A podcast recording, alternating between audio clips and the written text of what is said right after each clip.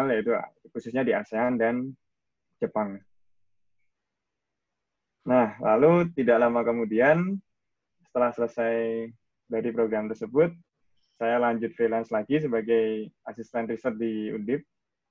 Mungkin kalau teman-teman dari Undip, terutama yang khususnya kelautan, mohon maaf tapi bukan bermaksud membangga kelautan, cuma saya bekerja di salah satu dosen oleh kelautan, uh, Ibu Ijas, dan lanjut di situ sampai pada akhirnya ada kesem ada terbuka kesempatan untuk beasiswa Max di Okinawa, yaitu tepatnya di awal bulan Januari, di awal tahun 2019 di bulan Januari.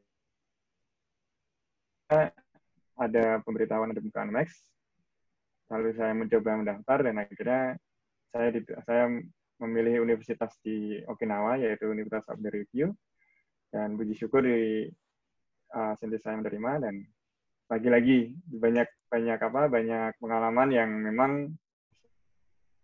kan tidak tidak apa ya uh, tidak kurang gitu. Jadi memang semua terpakai di sini.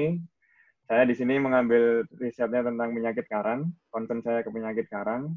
Lebih utamanya, lebih spesifiknya lebih ke uh, fisikal fisiologi eh, karang terhadap gangguan penyakit karang dan gangguan uh, lingkungan lainnya seperti nutrient enrichment dan so on. Jadi sudah banyak beberapa enam bulan di sana, saya banyak mengalami pengalaman baru seperti sampling bersama teman-teman Jepang, mahasiswa Jepang juga, lalu di beberapa site di situ dan kurang lebihnya mirip-mirip sih, malah paling lebih, masih lebih bagus Indonesia untuk site selamnya sebenarnya karena tutupan karangnya tidak terlalu beragam di sana. Nah, lalu teman-teman bagi yang uh, ini syarat syarat bisa daftar umur lima tahun per 1 April setiap tahunnya. Jadi dibuka setiap dua tahun, eh setiap dibuka setiap tahun sebanyak dua kali, yaitu setiap saat spring semester yaitu periode April sampai Mei dan fall semester yaitu Januari dan Februari. Nah, nanti teman-teman kalau mau bisa uh, cari cari di websitenya Kedutaan Besar Jepang di Indonesia yang di pojok kanan bawah. Nah, ini di tengah ini di websitenya di situ. Nah itu ada dua jalur sebenarnya teman-teman uh, untuk mendaftar di beasiswa Max ini yaitu U to U. Jadi ini U to U yaitu program di mana University to University. Jadi uh, para pendaftar diwajibkan untuk mencari universitas tujuan Ya, terlebih dahulu, lalu mendapat persetujuan, persetujuan dari sensei di universitas yang dituju. Jika sudah oleh sensei tersebut, maka baru bisa meneruskan uh, aplikasi formnya menuju ke Max, seperti itu, ke pemberi beasiswa. Lalu yang kedua, jika teman-teman memang belum tahu mau universitas di mana, di kedutaan kedutaan besar di Indonesia, konsulatnya. Kalau saya Jawa Tengah masuk ke wilayah kerjanya uh, kedubes di Jakarta. Tapi kalau teman-teman dari Indonesia Timur maupun Indonesia bagian tengah bisa menghubungi konsulat-konsulat jenderalnya sendiri-sendiri. Ada di websitenya semua. Nah, ada macam-macam sih, nggak harus dengan apa ada untuk yang graduate student, jadi khusus untuk yang setelah selesai S1. Tapi di situ banyak di ditawarkan banyak program-program yang lainnya, uh, beasiswa lainnya untuk yang para lulus SMA juga ada, ataupun yang uh, mungkin postdoc atau doktoral, itu juga ada di situ. Jadi, nah, nah mungkin itu pengalaman saya kedua-duanya. Kedua-dua pengalaman saya tadi yang menuju ke diaspora itu uh, baru dua sebenarnya sampai saat ini, tapi saya sudah sangat bersyukur sekali. Mungkin nanti bisa ditambahkan oleh pembicara dan Mas uh, Mbak Elvati yang pengalaman yang banyak. Namun di sini saya juga hmm, mungkin akan nanti ditanya jawab aja ya, Timo, untuk sharing. Uh, uh, ditanya jawab aja untuk sharing apa kiat-kiatnya dan segala macam. Jadi di sini uh, poin yang saya ingin sampaikan untuk Civitas juga UKSA 387 dan semuanya untuk menuju ke dunia internasional untuk UKSA sendiri memang wah kalau mau dibilang manfaatnya uh, banyak sekali sebenarnya. Jadi saya nggak sebelumnya saat menjadi anggota di UKSA seperti yang ada yang lihat di foto ini angkatan saya saat itu jadi di Pulau Tengah tanggal 3 2014 sedang mengoprek ke sana ini. saya masih gimbal sama sekali untuk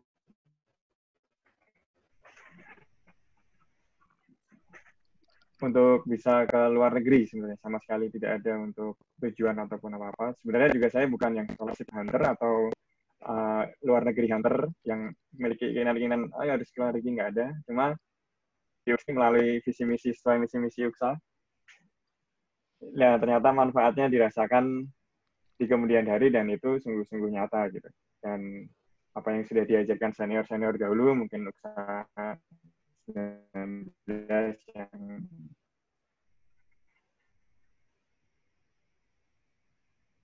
peran andil yang mengajarkan banyak ilmu yang usaha bawa, jadi sehingga saya bisa mengaplikasikan itu dengan penuh keyakinan dan tanpa ragu sedikit pun.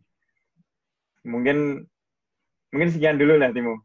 Uh, pesan. Jadi emang nikmati dengan sungguh-sungguh lah, di mana usaha memberikan banyak pelajaran itu uh, uh, nggak bakal ada apa ya penyesalan lah gitu. Kalau dengan nikmati dengan sungguh-sungguh ya. Jadi sekian mungkin presentasi dari saya. Mohon maaf jika ada kata-kata atau uh, nada-nada yang berbelit ataupun mungkin kurang dimengerti nanti bisa ditanyakan setelah ini. Terima kasih banyak untuk uh, peserta webinar kali ini. Saya waktu dan tempat kami serah, saya serahkan ke moderator kembali.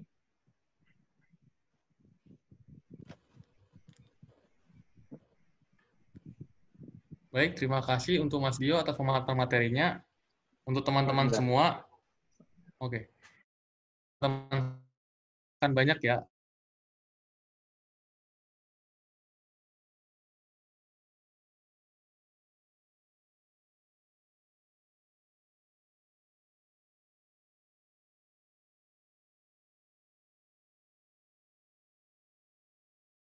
Uh, what to check with someone? Meeting. Meeting. Yeah, yes.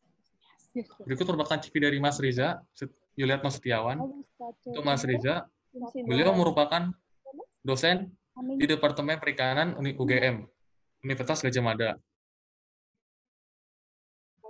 S1, Bachelor of Science in Marine Science, Universitas Ponorogo, dan telah menempuh pendidikan S2 Master of Science in Physical Oceanography, Tohoku University Jepang, dan telah menempuh pendidikan S3, PhD in Paleoceanography, University of Bremen. Kan anggota UPSA 387 Undip angkatan ke-9. Untuk Mas Riza, saya persilakan. Just oh, just after. Mm. Not yet put it in the markers. Not yet. For the four markers that we discussed, uh, I oh, thought yes. that I'm waiting I think uh, you put it because I think uh, there's no problem. So I. Dulu saja. Uh, we talked about how many how many things so we should uh, mm -hmm. buy on total mm -hmm. So we have to pay for about uh, eight thousand something like that. So uh, capture antibody, your antibody is about 400. Yes. One. So that means 9,000. But we need all of it that. I, I mm. will talk about uh, mm -hmm. talk about it with him uh, this afternoon. Yeah, yeah. yeah. No, we are not here. Yeah. yeah. I will talk about with him this afternoon. Just, just, just check a little bit for the. Baik, untuk Mas Riza, silakan. Baik.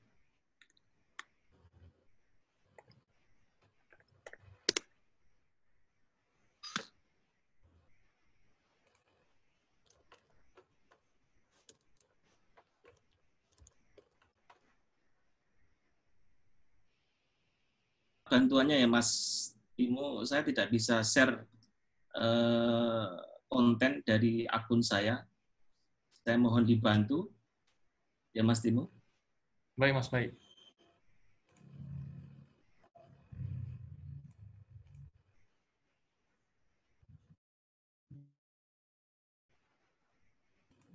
Selamat malam semuanya. Selamat malam eh, Bapak-bapak, Ibu-ibu senior UKSA. Selamat malam adik-adik sekalian dan rekan-rekan eh, UKSA 387 Universitas Diponegoro. Perkenalkan nama saya Riza Setiawan, alumni Angkatan Ilmu Kelautan Angkatan 99 dan saat ini saya mengabdi di UGM. Eh, saya dulu termasuk mahasiswa yang tidak berprestasi. Jadi berbeda dengan Mas Dio ya. Saya nanti eh, tentang pengalaman berburu beasiswa untuk S2 dan S3 melalui jalur yang berbeda. Karena ya karena masa studi saya itu 6 tahun 11 bulan. Jadi lebih lama dari Mas Dio. Tenang aja Mas.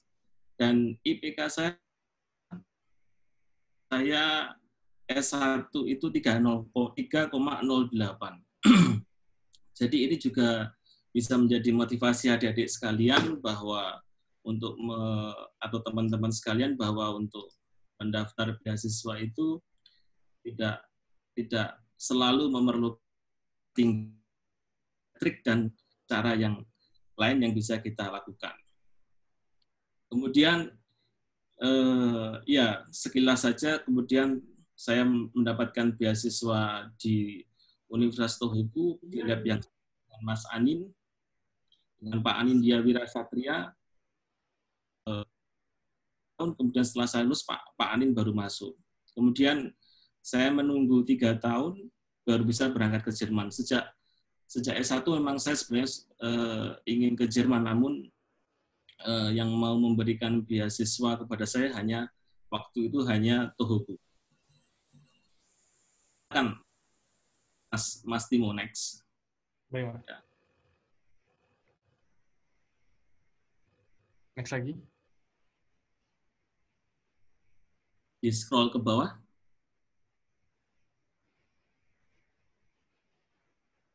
Ke bawah lagi, Mas. Kan ke bawah. Ya, ke bawah lagi. Ya.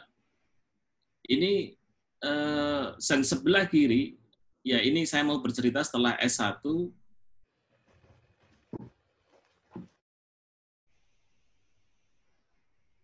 Baik. Setelah setelah S1 prinsipnya teman-teman sekalian bisa mendaftar beasiswa S2 luar negeri. Kebablasan, Mas.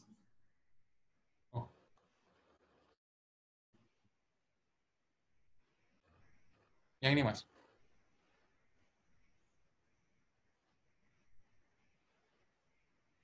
Mundur lagi. Ya.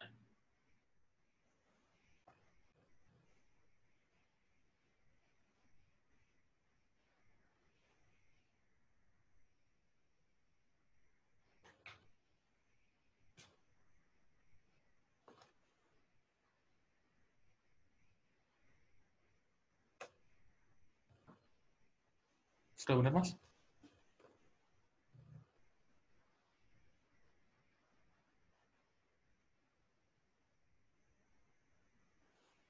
Atau saya kirimkan PPT-nya saja ya.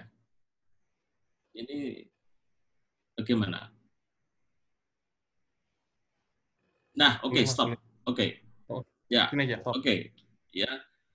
Eh, ya, saya ulangi lagi bagi teman-teman yang ingin mendaftar beasiswa S2 negeri, eh, bagi yang IPK-nya lebih dari tiga dan masa studinya kurang dari atau empat tahun ya masa studi ideal, eh, Anda bisa secara secara otomatis dalam tanda petik ya dalam secara otomatis Anda akan eh, tersebut.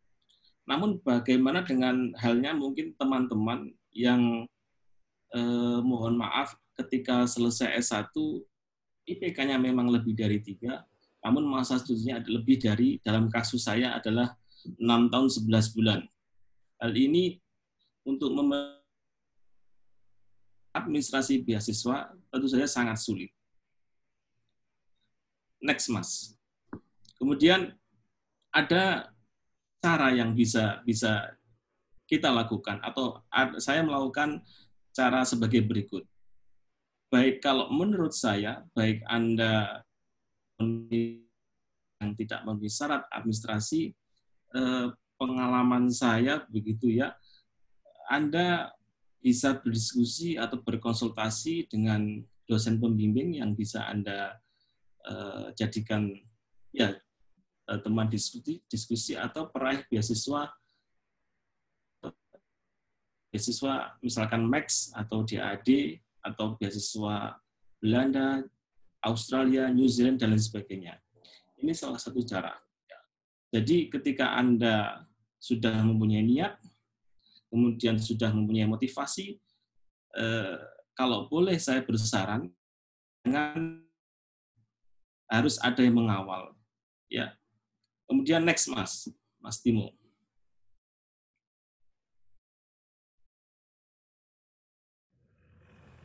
Yang ini Mas, apa ke bawah lagi? Kalau mohon maaf kalau dibuka di PDF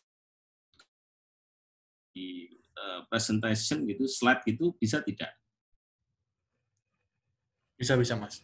Jadi di ini sudah dibuka di PDF ya, tapi di modenya diganti mode mode presentasi. Bisa bisa. Ya.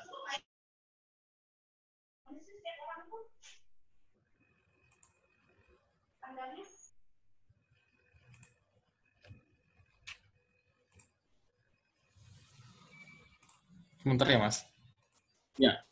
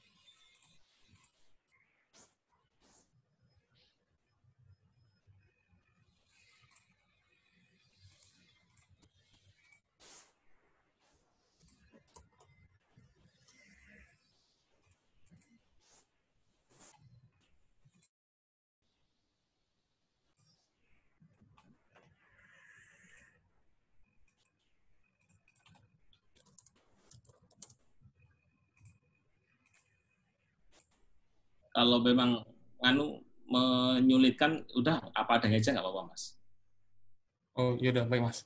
Ya. Nah ya tadi baik. Tadi sudah apa jika jika tadi ada dua cara ya kalau anda mempunyai rekod akademik yang bagus anda bisa uh, langsung menghubungi pembimbing atau mendiskusikan sebelumnya, kemudian Anda bisa langsung memenuhi semua syaratnya dan bisa langsung aplikasi sesuai yang Anda inginkan. Namun demikian, bagaimana dengan kasus saya tadi? Apa yang saya lakukan adalah saya membuat CV ya, CV yang waktu itu saya berdiskusi di Kanara Jasa, beliau sebagai mentor saya untuk mendapatkan beasiswa S2 dan S3 kemudian setelah membuat CV, eh, jadi prinsipnya saya waktu itu menyebarkan CV dan transkrip nilai ke seluruh profesor di seluruh dunia. Tentu saja eh, harus satu profil profesor yang kita incar dengan bidang yang tidak jauh berbeda dengan yang kita eh, dengan bidang yang tidak jauh berbeda dengan bidang kita maksud. Nah, saya melakukan ini pada zaman saya dulu ya teman-teman sekalian itu masih masih memakai warnet. Jadi warnet di dekat kos-kosan saya di Bulusari dulu, itu kecepatan tertinggi itu setelah subuh.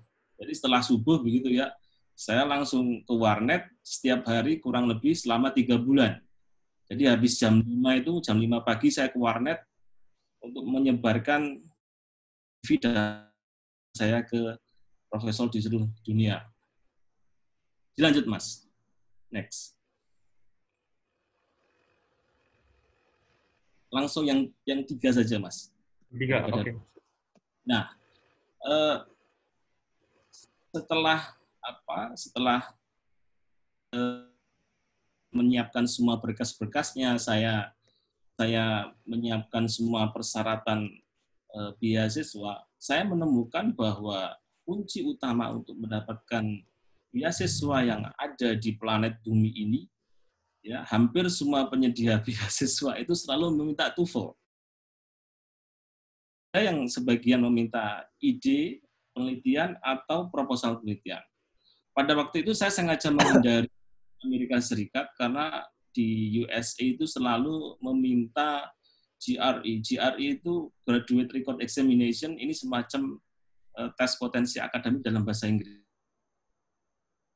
susah dan terlalu memakan waktu untuk mempelajarinya. Nah, eh, setelah lulus S1, setelah saya persiapkan semuanya, kemudian sebagai informasi, saya ya jeblok sekali bahasa Inggris saya. Di situ kelemahan saya dan dan eh, setelah itu saya TOEFL dan mencari skor TOEFL sampai tiga kali saya tes TOEFL hingga memenuhi syarat untuk beasiswa. Waktu itu syaratnya sekitar 550 TOEFL-nya ya. Waktu zaman saya masih paper based TOEFL. Next Mas. Dan eh, ini adalah cara yang salah. Saya selalu ya ini menyampaikan sebagai contoh yang salah. Kenapa salah? Mari kita lihat. Kenapa belajar TOEFL-nya yang saya maksud kenapa belajar TOEFL-nya setelah S1 Next Mas saya selalu uh, teman ya yang ini aja kepada mahasiswa-mahasiswa saya jika ingin uh, lanjut sekolah atau lanjut studi S2 Anda yang perlu Anda lakukan adalah belajar TOEFL atau bahasa Inggris sedini mungkin. Caranya gampang sekali sebenarnya. Misalkan ketika kasus begitu ya, saya uh, terinspirasi Eh, Prof. Oti ketika pulang S3 dari University of Tokyo tahun 2001, beliau mengajar di kelas saya mikrobiologi laut, dan waktu itu saya bilang, saya mau seperti beliau. Ya, saya ingin uh, yang uh, belajar di luar negeri. Simple, mimpi saya simple. Saya ingin ke luar negeri, ingin belajar dan ingin piknik gitu, Mas. Mas Mbak sekalian. Kemudian ya salah satu cara yang yang bisa dipelajari untuk mendapatkan TOEFL yang sekalian perlu menyisipkan paling tidak 15 menit atau 30 menit atau 60 menit setiap hari namun secara konsisten untuk belajar TOEFL. Saya kira tidak hanya untuk belajar TOEFL ya, untuk belajar materi kuliah pun sama. Jadi sangat tidak efektif sekali. Saya juga baru merasakan setelah jadi dosen dulu itu kalau kuliah itu sistemnya SKS sistem kebut semalam itu salah total. Makanya ilmunya nggak nyantol-nyantol waktu itu. Jadi metode seperti ini ya tiap hari tapi. Misalkan anda mulai semester 5 atau misalkan mulai semester 6 mulai berminat S2 tidak ada kata terlambat untuk belajar TOEFL. Nah hal ini akan berdampak ketika anda selesai S1 ya selain Anda mendapatkan IPK yang bagus, masa studi Anda pendek, Anda juga eh, sudah sudah apa siap untuk tes TOEFL, bukan siap untuk belajar TOEFL. Belajar TOEFL-nya selama studi S1.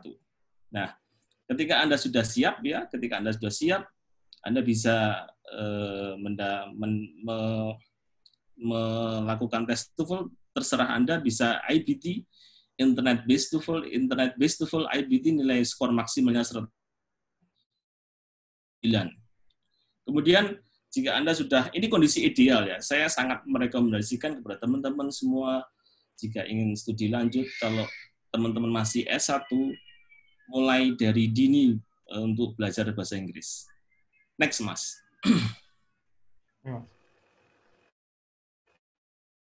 Sebagai informasi, ketika Anda sudah mendaftar, kemudian Anda sudah lolos administrasi, itu bisa dikatakan 50% Anda sudah mendapatkan beasiswa.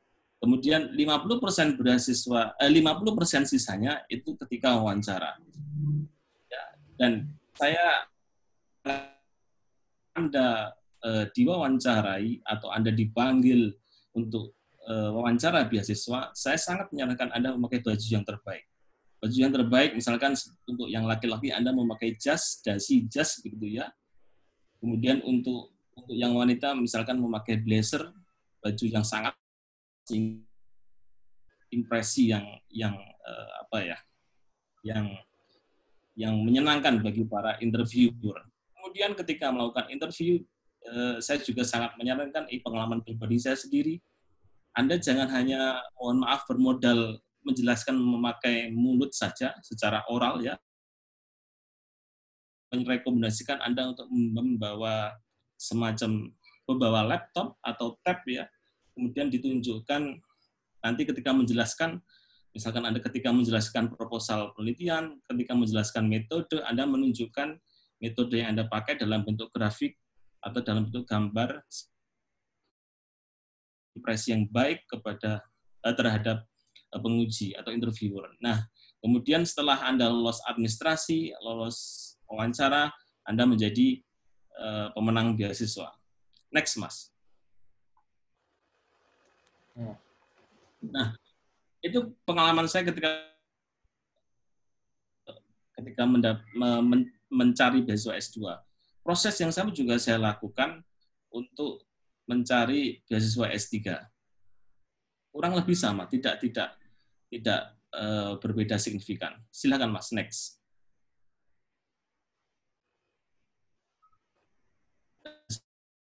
Pengalaman di slide ini pengalaman bekerja dengan orang Jepang ya. Uh, mau tidak mau teman-teman sekalian uh, harus mengikuti budaya negara yang teman-teman tuju dan sebelum berangkat atau sebelum apa ya selama proses teman-teman juga mempelajari kultur mereka. Kultur Jepang seperti yang teman-teman mungkin sudah ketahui semua mereka kerja keras. Itu kultur ya, itu budaya. Bukan apa ya. Jadi kalau kita masuk ke budaya kerja keras, kalau kita tidak kerja keras itu nanti jadi bahan omongan. Masalahnya seperti itu. Kalau di Jepang mohon maaf ya, sensei-sensei itu sukanya ngomong di belakang. Jadi mereka ketika rapat sensei, para profesor rapat itu kadang-kadang ngomongin mahasiswa bimbingannya, mana yang malas-malas begitu ya. Dan kultur orang Jepang sangat sangat santun sekali, seperti yang teman-teman ketahui, dan sangat menolong. Kebetulan Tohoku itu di kota Sendai, dan Sendai ini biayanya murah ya, dan dikenal sebagai kota pohon, dan banyak tempat menarik untuk dikunjungi di Sendai. Dan ini saya juga merekomendasikan sebuah film dokumenter yang berjudul Life in Japan. Jadi teman-teman bisa lihat menambah semangat, menambah motivasi jika ingin melanjutkan studi di Jepang. Next, Mas. Mas. Nah, ini foto-foto saya dulu. Foto kedua foto ini membuktikan saya dulu pernah kurus ya, teman-teman sekalian. Uh, foto saya sebelah kiri saya itu profesor saya, profesornya Mas Anin juga. Namun sekarang sudah tidak menerima mahasiswa lagi, beliau mau pensiun, grupnya mau bubar begitu ya. Yang di bawah itu profesor saya, sensei saya yang di tengah ketika berkunjung ke ITB. Next, Mas. Waktu itu ini juga. Nah, seperti yang sudah disampaikan Mas Dio tadi, eh, teman-teman bisa monitoring eh, websitenya Kedutaan Besar Jepang di Indonesia untuk informasi-informasi beasiswa dan juga eh, banyak alumni dari Undip, Kelautan Undip, Oceanografi Undip, beasiswa dari Inpex. Nanti bisa silakan di-share saja slide saya, dipelajari. Ya next, Mas. Banyak sekali eh, anu ya, eh, apa eh, opsi beasiswa. Untuk kasus saya sendiri sebelum saya masuk ke Jerman, untuk saya sendiri saya mendapatkan beasiswa bukan dari Inpex, namun saya mendapatkan beasiswa dari profesor saya. Jadi profesor saya punya dana riset, eh, kemudian itu cukup untuk membiayai saya S2, bahkan sebenarnya sampai S3, namun saya mengundurkan diri karena tidak kuat saya hidup di Jepang, pressure-nya terlalu ya saya memutuskan untuk pindah ke ke Jerman karena saya tahu Jerman itu kulturnya sosialis, negaranya sosialis. Artinya apa? Kebanyakan negara Eropa adalah sosialis. Artinya sosialis itu eh, salah satu contoh gampangnya adalah ketika ketika ada eh, keluarga Anda yang sakit atau ada yang ya yang sakit atau kita sendiri sakit, flu saja, itu kita sangat direkomendasikan untuk istirahat eh, di rumah. Yang yang kedua, enaknya saya tidak bermaksud membandingkan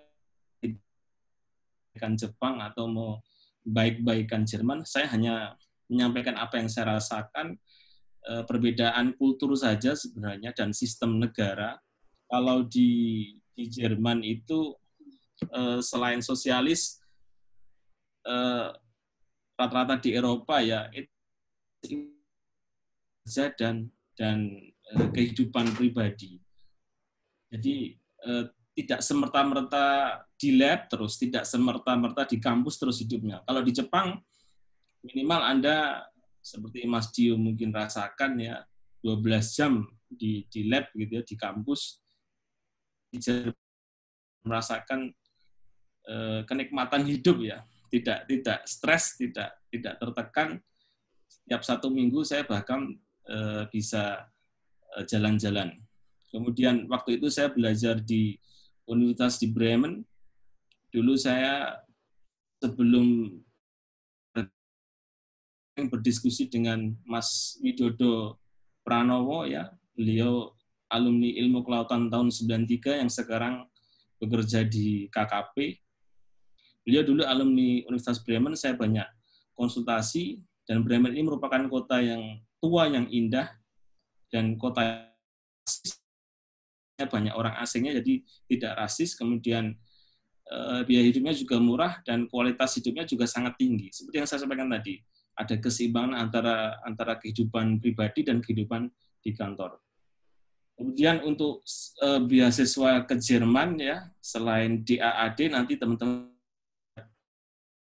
di Indonesia di Google saja DAAD Indonesia nanti keluar websitenya kalau tidak salah daad.id di situ banyak sekali informasi beasiswa S2 di Jerman.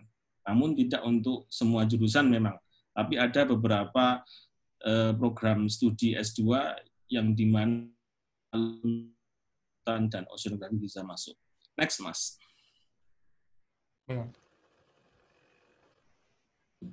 Ya, Jerman ini eh, ketika saya setelah lulus S3, setelah saya sidang S3 sebelah kiri saya itu yang paling besar orang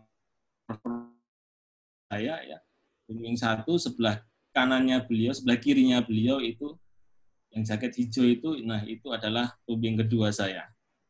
Dan yang menggendong anak itu adalah eh, Yusuf, Muhammad Yusuf Awaludin, alumni ilmu kelautan Undip tahun 2001. Ya, masih semoga segera lulus ya di di lab saya yang dulu ada dua teman-teman alumni dari ilmu kelautan Undip yaitu Yusuf 2001 ya dosen kelautan Unpad dan satu lagi eh, Aditya Wardana dia adalah eh, peneliti di LIPI dengan pembimbing yang sama dan semoga eh, yang berdua ini segera lulus ya Jerman atau Bremen merupakan kota yang sangat spesial buat saya karena saya dapat selain S3, saya menikah di sana, saya ketemu istri saya di sana, saya punya anak di sana. Jadi saya berangkat sendiri. Saya jadi teman-teman sekalian kalau boleh bersaran ya. Selain cari S3 juga jangan lupa yang jomblo-jomblo cari istri juga sekalian ya. Siapa tahu jodoh Anda dulu Jerman di sana. Oke, okay, next. Oke, next, Mas. Ya. Oke, okay, habis. Baik, terima kasih atas kesempatan yang eh, berharga ini. Saya sangat-sangat merasa terhormat bisa berbagi dengan teman-teman UPSA. Demikian presentasi dari saya. Mohon maaf ada kesalahannya. Saya kembalikan ke moderator Mas Dino. Baik, untuk Mas Riza, terima kasih Mas. Untuk teman-teman semua, bagi yang ingin memiliki pertanyaan, harap ditahan terlebih dahulu. Nanti akan bisa diajukan di sesi tanya-jawab. Untuk bagi yang ingin bertanya, pada sesi tanya-jawab nanti, silakan raise hand. Dan juga menuliskan nama dan dari instansi apa. Baik panggil saja narasumber kita yang ketiga. Untuk Mbak Elrada, apa kabar Mbak? Sehat? Ya, malam. Uh, malam sore. Dengar ya, nyambung ya. Nyambung, nyambung. Masuk. Nyambung nggak? Jauh nih soalnya. Oke, masuk Mbak Ketima. Mungkin untuk Mbak Elrada akan saya bacakan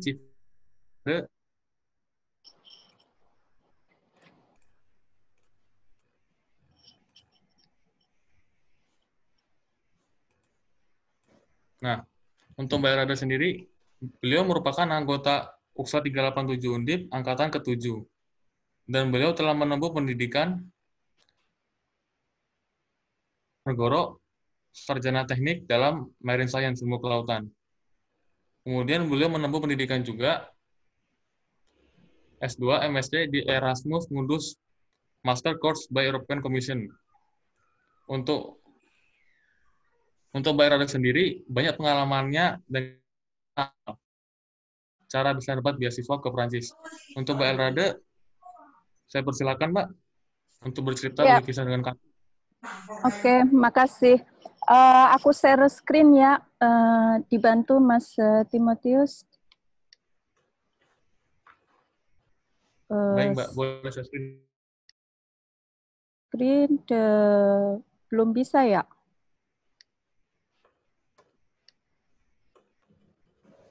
Belum bisa, Mbak? Oh, oh belum bisa, belum bisa. Uh, sembari nunggu, oke, okay, uh, eh, terima kasih, selamat malam semuanya. Sore di sini, ini waktu Paris. Persis nanti uh, video jalan uh, di belakang saya, kampus saya.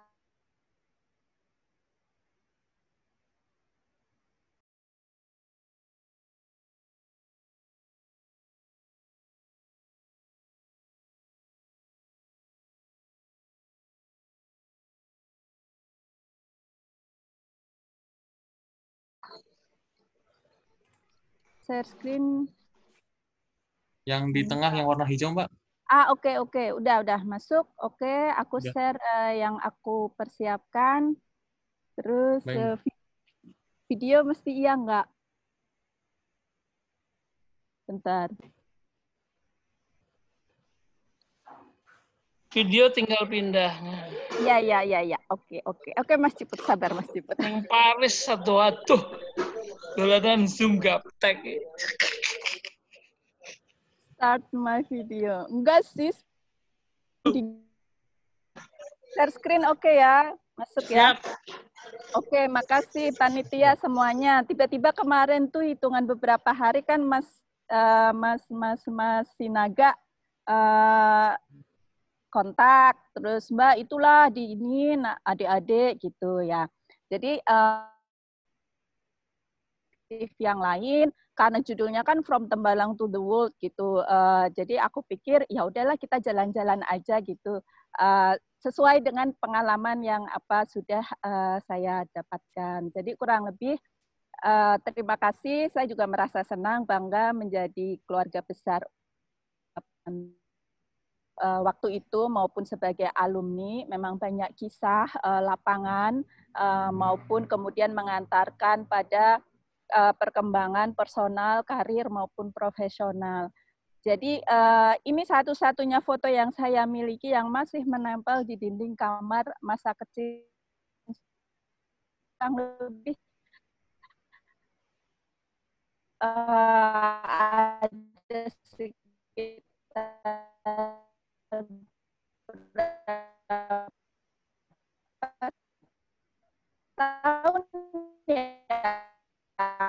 hampir dua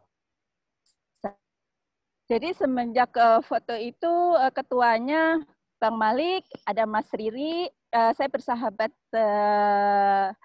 banyak memori dengan mereka, teman saya seangkatan Wari uh, di Kepulauan Seribu. Salah satu dari kami, eh, eh itu loh, itu loh, ada orang terkenal itu pengacara terkenal itu Harto. Blatino demikian mereka dengan sepertinya ada angkatan laut eh, entah acara apa kemudian kami berkesempatan untuk uh, foto-foto dinding itu. Itu sahabat eratnya Mas Riri itu waktu itu uh, yang betul kompetisi ketat ketika latihan di kolam uh, tertutup sangat lincah sekali uh, ininya uh, apa teknik uh, berenang bebasnya. Dan saya selalu disandingkan sama Mas Riri dengan uh, ini teman dekatnya. Oke nah itu uh, apa kita dapatkan sertifikasi untuk uh, two star uh, posisi mas. Yang saya merasa bangga ternyata banyak sekali manfaatnya. Tidak semua apalagi kita sangat uh, apa khas ya negara kita kan tropis uh, nomor uh, kekayaan sumber daya uh, alam lautnya keanekaragaman diversity uh, dan juga lingkungan aktivitas lingkungan. Kemudian ini foto yang waktu pekan olahraga uh, jurusan sepertinya kami sebagai panitia dan selalu kan ada uh, perlombaan perempuan. Nah, saya selalu dicemplungkan di situ dua kali yang sebelumnya senior panitia, kemudian uh, panitia angkatan kami sendiri. Nah, karena uh, panitia angkatan kami sendiri, saya uh, termasuk yang uh, andil, ikut andil uh, di situ untuk uh, Nah, sejarah-sejarah inilah yang mengantarkan kemudian oke, okay, uh, saya mendapatkan banyak kesempatan untuk berenang di uh, kolam perairan yang lebih terbuka. Selanjutnya adalah uh, apa? Ya, cukup uh, lama angkatan 98 saya di FPIK. Kemudian kurang lebih setahun proses saya langsung diterima di Badan Pengkajian dan Penerapan Teknologi ada beberapa banyak senior juga ada di sana. Kebanyakan beliau ada di uh, dulu uh, Balai Survei Kelautan yang mungkin sekarang masuk di seksi Kementerian uh, Maritim ya, kemaritiman. Sampai sekarang saya masih uh, di situ, kemudian mendapatkan empat tahun uh, jalan, mendapatkan beasiswa Erasmus Mundus, Mona Pivot, yang ini cukup uh, baru waktu itu cukup unik 2007-2009 dan uh, sekarang singkatnya saya sedang di sini ya ENS uh, dengan beasiswa LPDP yang ada semenjak 2011 itu sangat uh, bebas untuk uh, putra-putri uh, Republik Indonesia Nusantara. Uh, kita bisa uh, semua apply. S3 dari dari kalangan terbuka dari mana pun. Nah, sebelumnya setelah uh, Erasmus Mundus, Erasmus Mundus, saya juga punya kesempatan untuk diminta pernah tuh sosialisasi mengenai scholarship show uh, Undip oleh BEM Undip dan saya kan pembimbingnya Pak Abe Susanto di situ dan saya merasa Pak Abe uh, apa uh, pembimbing saya ketika waktu acara-acara uh, seperti ini uh, diselenggarakan oleh uh, adik-adik BEM waktu itu. Cukup lama saya kira sekitar 10 tahun yang lalu ya kalau sekarang 2010 saya mulai saya lulus 2009 langsung uh, diminta tiga tahun berturut-turut. Sebenarnya sampai sekarang pun request request permintaan itu ada tapi saya sendiri yang harus menyetop bahwa ada beberapa prioritas lain yang harus saya lanjutkan sehingga uh, tidak bisa Eh, mencukupkan berbagi sharing dengan adik-adik waktu itu. Nah, ketika itu pun saya juga selalu mengatakan identitas saya ini ternyata uh, dengan de peserta 300 sampai 400 mahasiswa, saya pikir uh, saya sangat beruntung dan suatu event yang membanggakan bisa share uh, dengan adik. Entah kemudian dilanjutkan oleh siapa, uh, waktu itu Pak Abe juga sempat surprise, kami saling surprise, dan ketika saya presentasi selalu saya sampaikan juga uh, identitas alumni itu ada adik-adik yang dari kelautan sampai teriak, ah ternyata alumni FPIK. Kemudian tahun 2011 atau 2012 sempat mampir ya Mas Boni, kalau Mas Boni ada, setelah acara ini itu saya ke base camp UKSA waktu itu.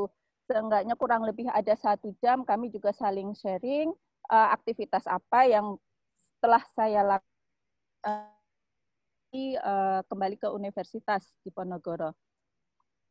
Oke, kemudian selanjutnya uh, ya mengenai beasiswa atau uh, yang saya dapatkan uh, Mona Bivot monobifat itu adalah molecular nano and biophotonic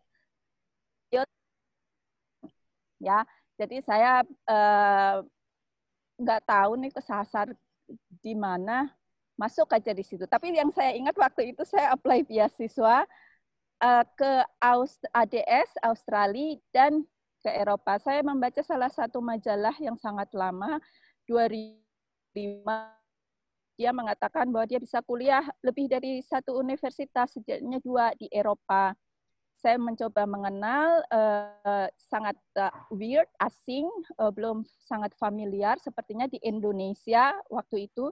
Dan it, waktu itu juga masih zero growth ya, kalau uh, standar uh, pemerintahan maupun beasiswa yang ditawarkan atau yang available, affordable untuk ke kita semua. Jadi masih waktu itu sangat-sangat prihatin. Saya pikir uh, kita uh, tidak banyak kesempatan beasiswa kecuali yang dari kedutaan Australia,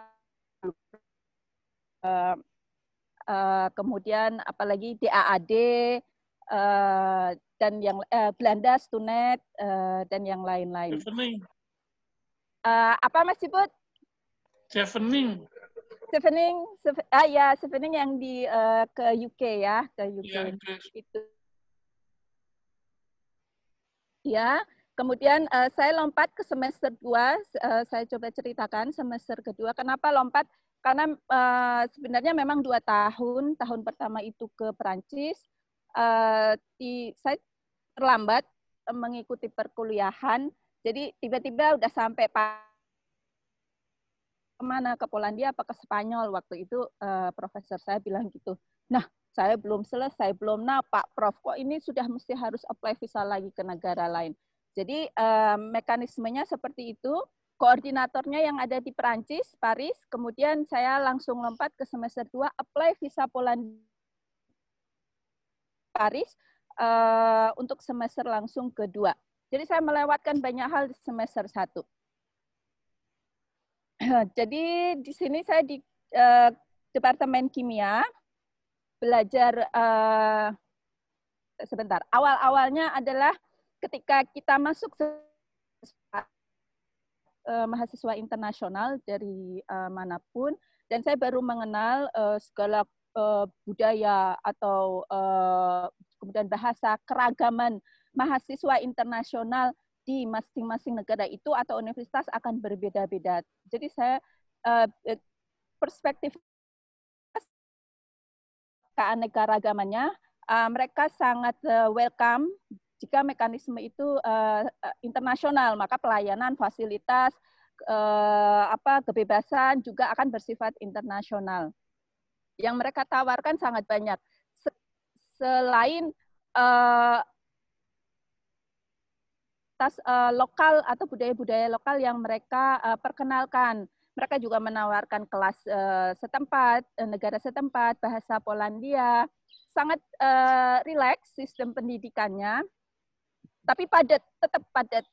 Uh, kemudian dari kelas uh, bahasa jelas uh, terlihat karena keanekaragaman itu beberapa kali kami punya aktivitas uh, di luar untuk berinteraksi langsung dengan uh, masyarakat sekitar atau kita ke kafe kopi ke kafe yang terkenal di kota itu sembari ngobrol dan juga mempraktekkan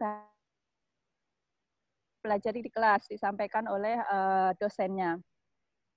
Kemudian uh, yang ini teman-teman sekelas ini foto di dalam di departemen kimia kami juga beragam ini penerimaan uh, mahasiswa internasional. Mereka memberikan uh, sangat uh, penerimaannya uh, membanggakan. Saya merasa satu di antara mereka itu celingak celinguk celingak celinguk ngelihat mana ya temannya yang seragam. Nggak ada satupun. Tapi uh, eksis di sana itu saya kira pengalaman yang sangat uh, sangat sangat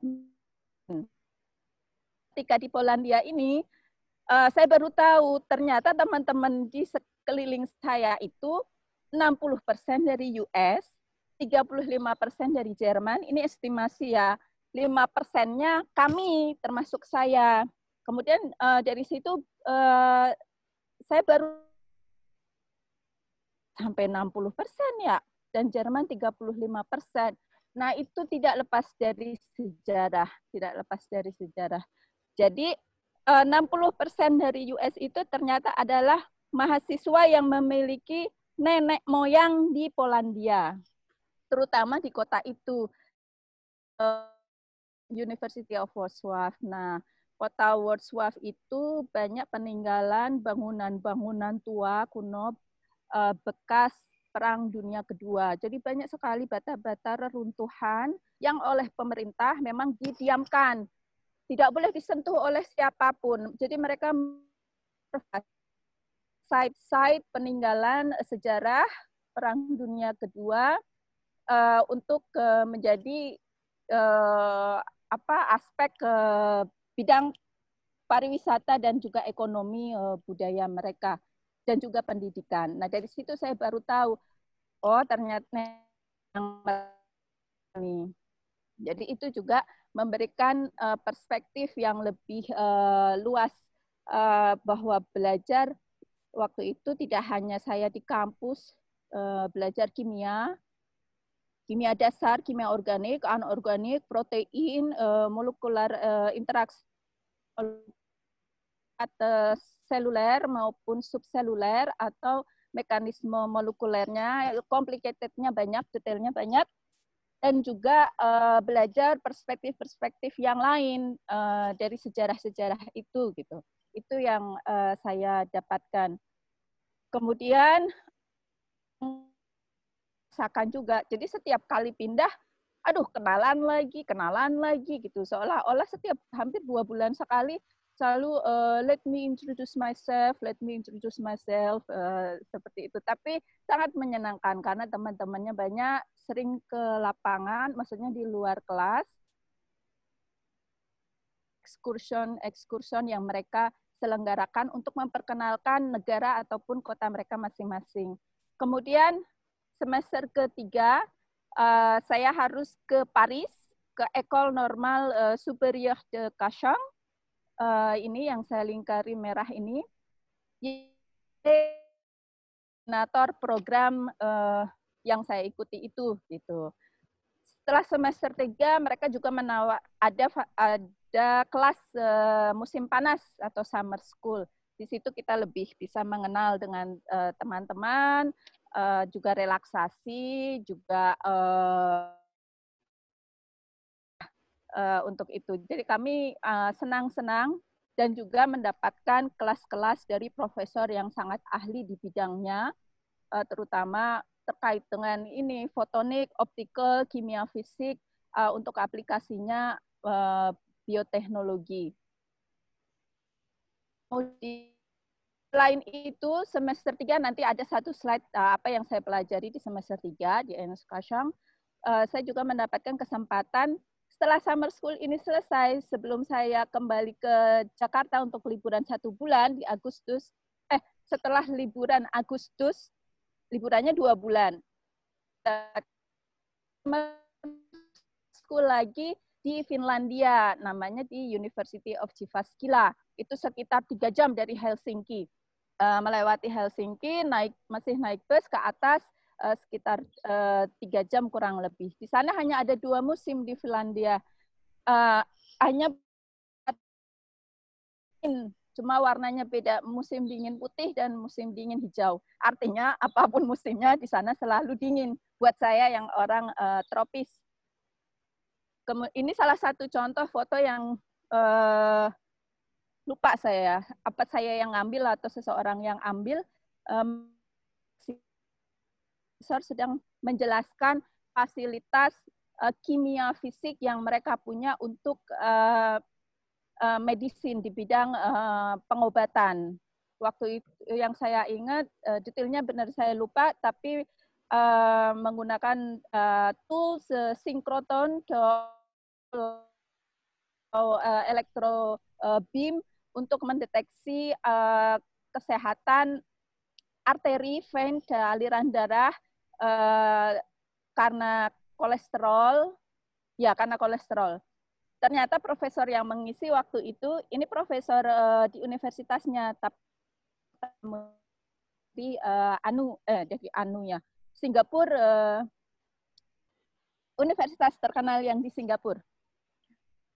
Dan setelah mengenal dengan mereka, sama-sama kami peserta uh, summer school, ternyata hampir 50% mereka adalah dari Petersburg, Rusia. Uh, uh, apa laki-laki dibanding perempuan gitu. Uh, ya dari situ saya termasuk yang pokoknya ikut aja dulu gitu. Maksudnya ikut aja dulu, saya sudah di situ, saya harus eksis, saya harus ada. Eh, maksudnya saya berusaha um, banyak sekali adaptasi, proses adaptasinya. Tapi menyenangkan, selalu selalu uh, mereka mengemasnya sangat uh, menyenangkan.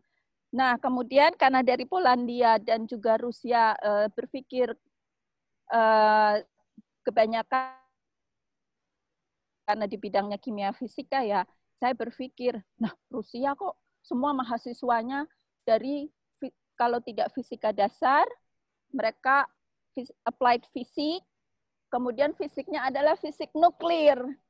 Ya, karena kita juga tahu bahwa sumber daya yang mereka miliki uh, mensupport atau mendukung untuk pertahanan keamanan uh, di Rusia terkait itu sumber daya minyak ataupun sumber daya energi lainnya, eh, contohnya nuklir. Kemudian setelah itu semester 4, semester 4 saya ke University of Heidelberg. Sebenarnya tujuan laboratorium saya adalah di sini, Deutsche Krebsforschung Zentrum atau German Cancer Research Center di kota Heidelberg. Ini uh, tidak dalam satu uh, mekanisme program yang saya miliki. Jadi kebebasannya ada sempat itu kan harus eh, riset uh, di labo. Itu kami memiliki kebebasan yang luas. Selama as long as kamu di Europe, kamu bebas memilih di laboratorium mana pun. Itu uh, uh, apa? Saya membayangkan gerak kita sangat luas sekali. Dan ketika kami memperkenalkan saya mahasiswa Erasmus Mundus program ini banyak sekali mereka yang akan meminta mahasiswa uh, dengan mekanisme itu gitu. Sangat senang atau sangat senang mungkin termasuk dicari untuk ke standar mahasiswa ya untuk standar mahasiswa S2 gitu. Atau selanjutnya mungkin nanti S3 ini foto profesor saya di labo. Uh, Co-supervisornya adalah istrinya beliau. Jadi saya sering berinteraksinya dengan istrinya beliau. Uh, sementara beliau juga uh, membimbing sebagai uh, pembimbing pertamanya. Nah, dari sekian itu semua mobility aktivitas karena sangat relax, enjoy, sepeda sangat menjadi uh, transportasi, alat transportasi yang sangat menyenangkan, aman, uh, menikmati alam kiri apa pun yang di depan mata kita. uh, yang salah satu membanggakan lagi ketika uh, saya di DKFZ ini hmm, ternyata satu tahun sebelumnya tidak sampai satu tahun beberapa bulan uh, salah satu peneliti di sana uh, Dr. Harold Surhaus Nobel Prize di bidang fisiologi, kedokteran, medisin mengenai atas penemuannya human papilloma virus. Nah, ini juga sangat apa uh, membangkitkan atau membuat kita lebih confident, percaya diri bahwa lingkungan di sekitar yang sangat mendukung gitu, yang sangat kondusif gitu. Unkondusifnya juga banyak beberapa hal, tapi karena dari proses adaptasi, adaptasi uh, yang beberapa tingkat kita lalui, uh, ternyata kita di perairan, saya merasa di perairan uh, uh, luas dan menyenangkan untuk beraktivitas uh, berenang atau menyelam di situ. Dengan bekal pelajaran yang kita dapatkan dari UKSA atau dari uh, FPIK ketika kita S1. Uh, Oke, okay, dari situ selanjutnya, ini yang saya pelajari ketika itu uh, besar atau beberapa mata kuliah yang saya dapatkan ketika uh, di program ini.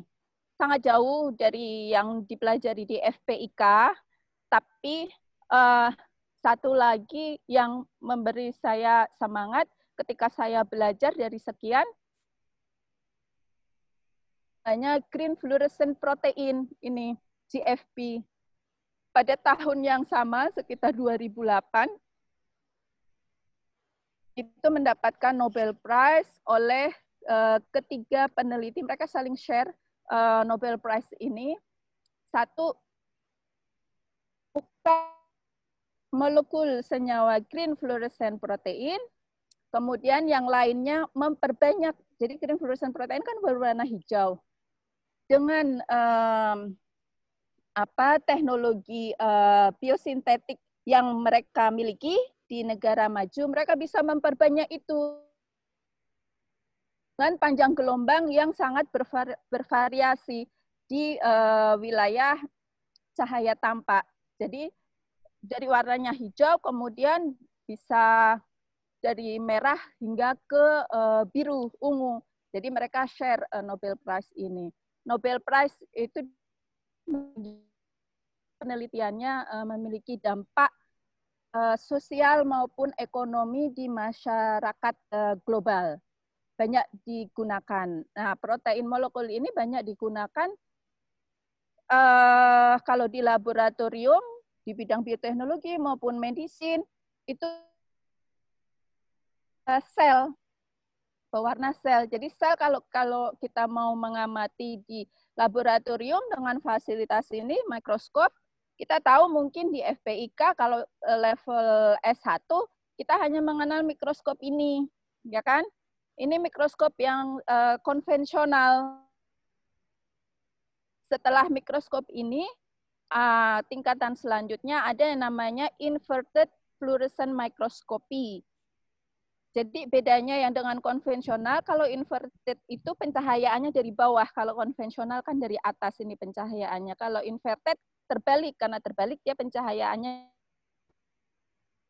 itu lebih dekat dengan objek, eh, sampel memberikan resolusi yang lebih jelas. Headset. Halo, ya.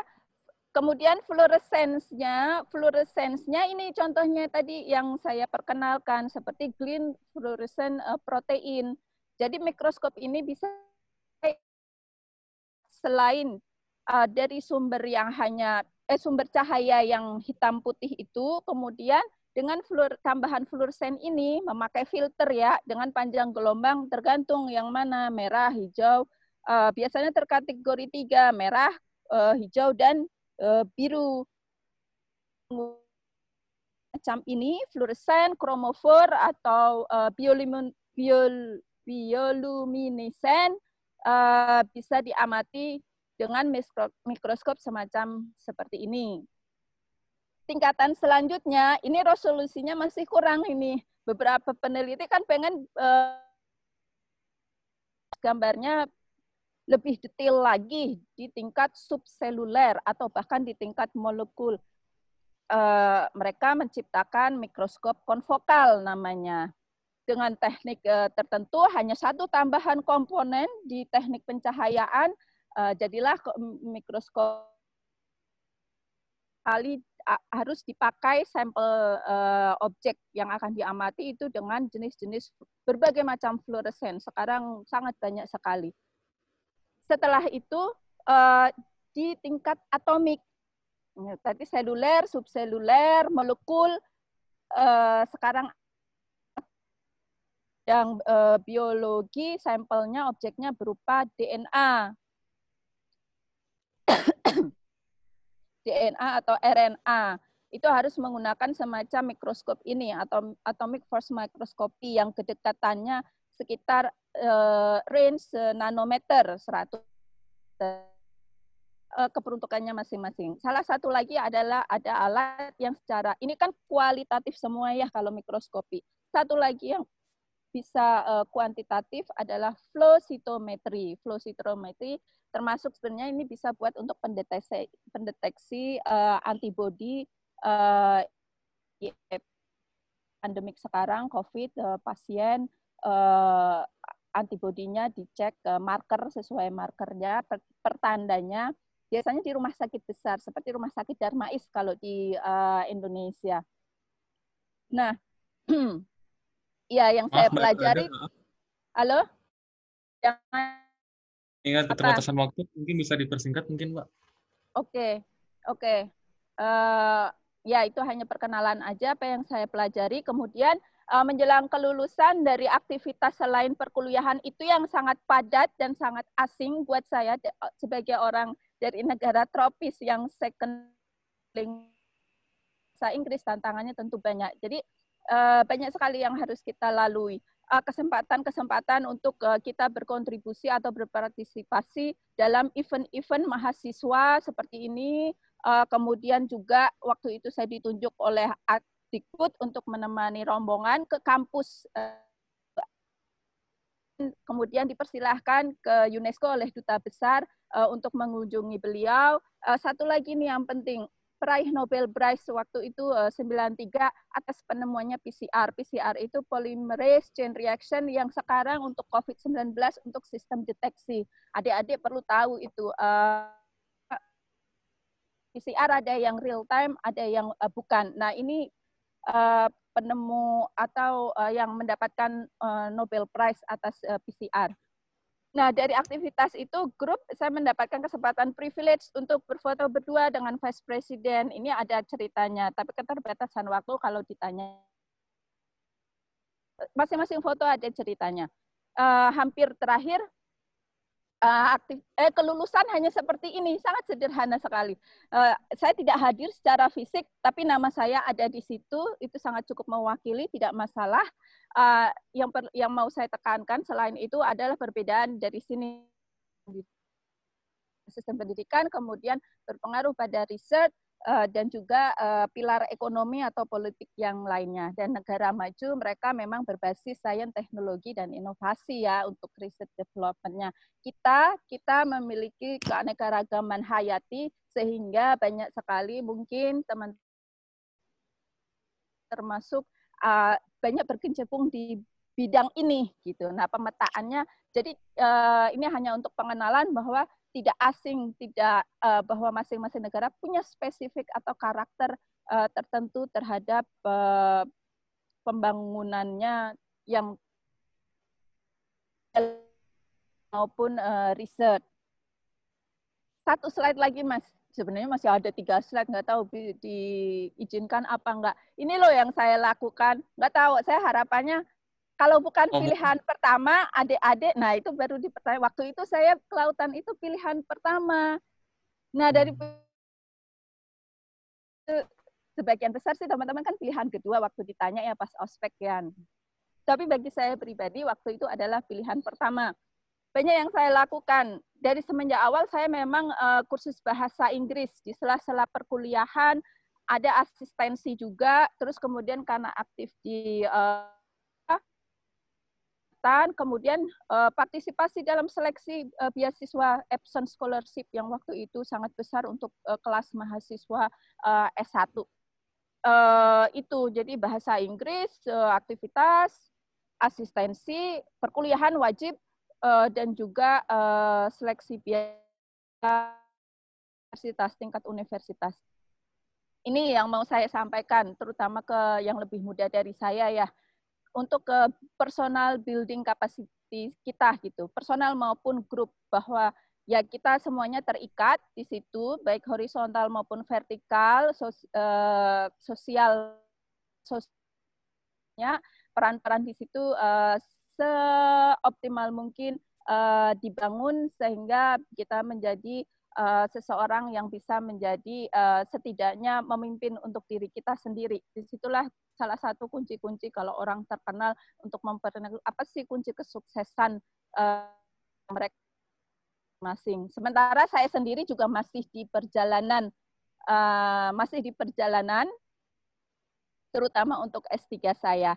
Ini kemarin ketemu sama adik-adik, um, mereka latihan bareng ya, UKSA sama MBC, eh latihannya MBC atau adik-adik uh, teman-teman UKSA uh, jadi satu sempat melihat, menengok. Hmm, kemudian ada beberapa hanya untuk menampilkan beberapa aktivitas. Banyak sekali aktivitas saya banyak kesempatan juga beberapa kali ke UNESCO karena ini karena itu gitu. Itu tidak tidak kurang atau tidak lepas dari uh, secara karir akademis maupun uh, personal.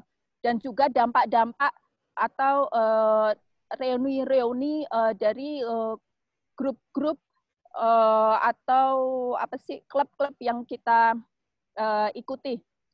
Perkenalan sedikit ini yang saya lakukan. Cukup ya, lihat gambarnya aja ya. Yang menarik ini loh, ini tuh sel jantung. Lihat nggak ininya? Eh, dari tadi tuh aku nggak ini tuh nggak aku uh, apa full screen. Lihat ya detak jantungnya ya. Uh, uh, Oke. Okay. Uh, itu yang saya miliki di labo. Sementara kalau yang ini kalau yang ini ini sel paru-paru. Nah, nanti terkait dengan COVID kan menyerang paru-paru, uh, sistem pernafasan. Nah, apa yang bisa dari situ. Tapi saya sudah memiliki sel bibit eh, paru-paru uh, di laboratorium. Oke, okay, aku pikir uh, itu yang bisa aku share. Terima kasih. Saya kembalikan ke moderator. Baik, terima kasih Mbak Alrada.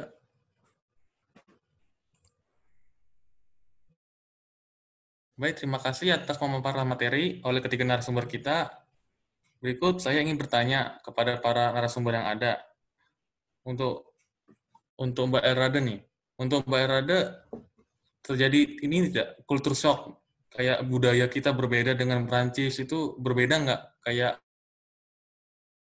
di sana gitu Mbak? Oh iya, Ya, itu ada masa-masanya, terutama hmm, yang saya rasakan ya ketika waktu menginjakkan kaki di Perancis, merasa sendiri jelas karena merasa sendiri itu hmm, kurun waktu atau periode itu hmm, saya lebih banyak diam, itu hal yang wajar. Seperti pertumbuhan anak aja, ya nggak Mas Ciput? Anak itu kan nggak harus langsung, eh nggak bisa langsung ngomong kan, atau nggak bisa langsung berjalan. Tapi ada tahapan-tahapannya. Tahapan-tahapan itu harus memahami bahwa itu bukan, itu challenge, bahwa itu bukan apa uh, hambatan itu hal yang sangat normal untuk dilalui uh, ditapaki. Uh, bahkan mungkin sampai kalau perlu enam bulan atau setahun diem itu uh, bisa. Tapi mengobservasi uh, menganalisa membuat banyak sekali catatan. Maksudnya diam secara sosial mungkin teman belum bisa langsung merge ya, kita integrated dengan lingkungan sekitar gitu. Uh, tapi kita membuat selalu membuat catatan-catatan apa kekurangan kelebihan yang bisa kita uh, segera bisa uh, integrated. Itu sangat takes time dan wajar. Baik, terima kasih Mbak Erade. Selanjutnya saya punya pertanyaan untuk Mas Riza. Untuk Mas Riza, selamat malam. Selamat malam, ya. Mas, bahwa kehidupan di sana biayanya murah. Untuk biaya hidup di sana sehari-hari, apakah termasuk beasiswanya atau bagaimana ya, Mas? Iya, kalau Anda mendapatkan beasiswa eh, secara umum begitu ya, eh, biasanya sudah termasuk biaya hidup dan DAD ini memang spesial. Jadi dia bisa mensupport sampai anak keempat istri sampai anak keempat ditanggung DAD. Jadi Anda rugi kalau cuma single. Makanya saya cari istri di sana dan punya anak di sana. Demikian. Hmm. Bercanda aja. Baik. Oh, enggak apa-apa. Istri empat terbalik, Mas. Ya, istrinya ya, satu terbalik. aja. Istri empat, anak satu, eh salah. saya istri empat, anak satu. Masing-masing satu. Anaknya barep kabeh gue. Ayo, kuy. Mas. Mas, saya punya pertanyaan untuk Mas Dio. Untuk Mas Dio, selamat malam. Malam. Untuk Mas Dio, bagaimana dengan di sana pembelajarannya? Apakah menggunakan bahasa Jepang, apa bahasa Indonesia, bahasa Inggris, atau bagaimana, Mas? Oke. Okay. So, uh, sebentar. Perpindahan budaya juga. Pertanyaan. Dio loh. Iya, masih ini Dio. Jauh lu sekarang. Ah, lama gak ketemu Mas, Mas Ibut. Mm -mm. terakhir depan Tekanat. Oke, jadi uh, pertanyaan tadi ya, Mas gimana bahasanya dan segala macam sama kalau sama Mbak Elradi dan Mas Riza juga tadi udah ceritakan di slide-nya Mas Riza juga. Uh, untuk bahasa sebenarnya bahasa utamanya Inggris. Jadi setiap mahasiswa internasional yang tergabung di beasiswa, khususnya saya Max ya, pengalaman saya ikut Max, itu semua bahasa pengantarnya Indonesia. Cuma harus apa ya, bisa beradaptasi gitu. Dalam artian karena di sana apalagi karakter budaya Jepang, nggak banyak yang orang tuh nggak banyak yang berbahasa Inggris di sana masih uh, apalagi nas, apa self nationality-nya itu sangat tinggi jadinya orang Jepang pada lebih kebanyakan oh, terutama teman-teman lab saya sendiri itu agak malah mm, kurang bagus untuk berbicara bahasa Inggris di, di khususnya di lingkaran teman lab saya gitu. Jadi untuk bahasa mungkin uh, utamanya di kelas kelas tuh sih. Ambil belajar bahasa Jepang. Baik, Mas Timusan. Itu Baik, jawaban dari kasih, saya. Mas Baik, terima kasih Mas Dio atas jawabannya. Selanjutnya kita akan kasih tanya jawab. Bagi peserta yang ingin bertanya, Halo, Timo.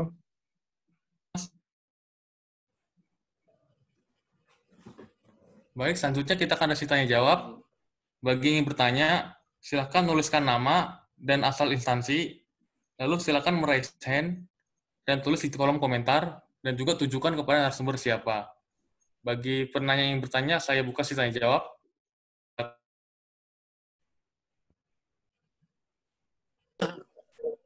Baik, Mas Ciput. Ya, duluan ya. Alhamdulillah. Mau nanya ya sama Riza. Baik, Mas Ciput silakan. Ya. Di Jerman, nih gue buka dulu video biar kata Jerman itu bener nggak sih sekolahnya gratis tapi pengantar bahasa Jerman? Kalau pakai bahasa Inggris bayar ya malah ya. Itu sih penasaran sampai sekarang karena terakhir cerita King Kong ya Adit itu dia pengantar bahasa Jerman.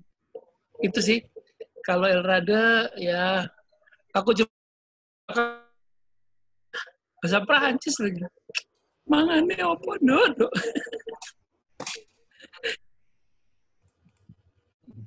Ya kalau eh, pas zaman saya dahulu, saya dan Adit berbeda zaman ya. Kalau zaman saya dahulu eh,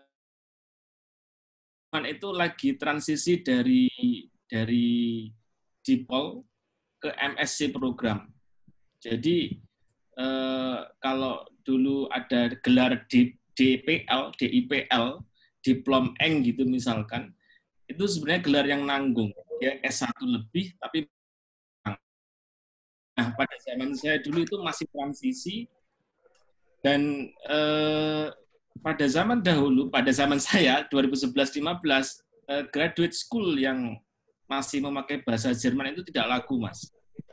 Jadi, Hmm. semuanya migrasi ke bahasa Inggris.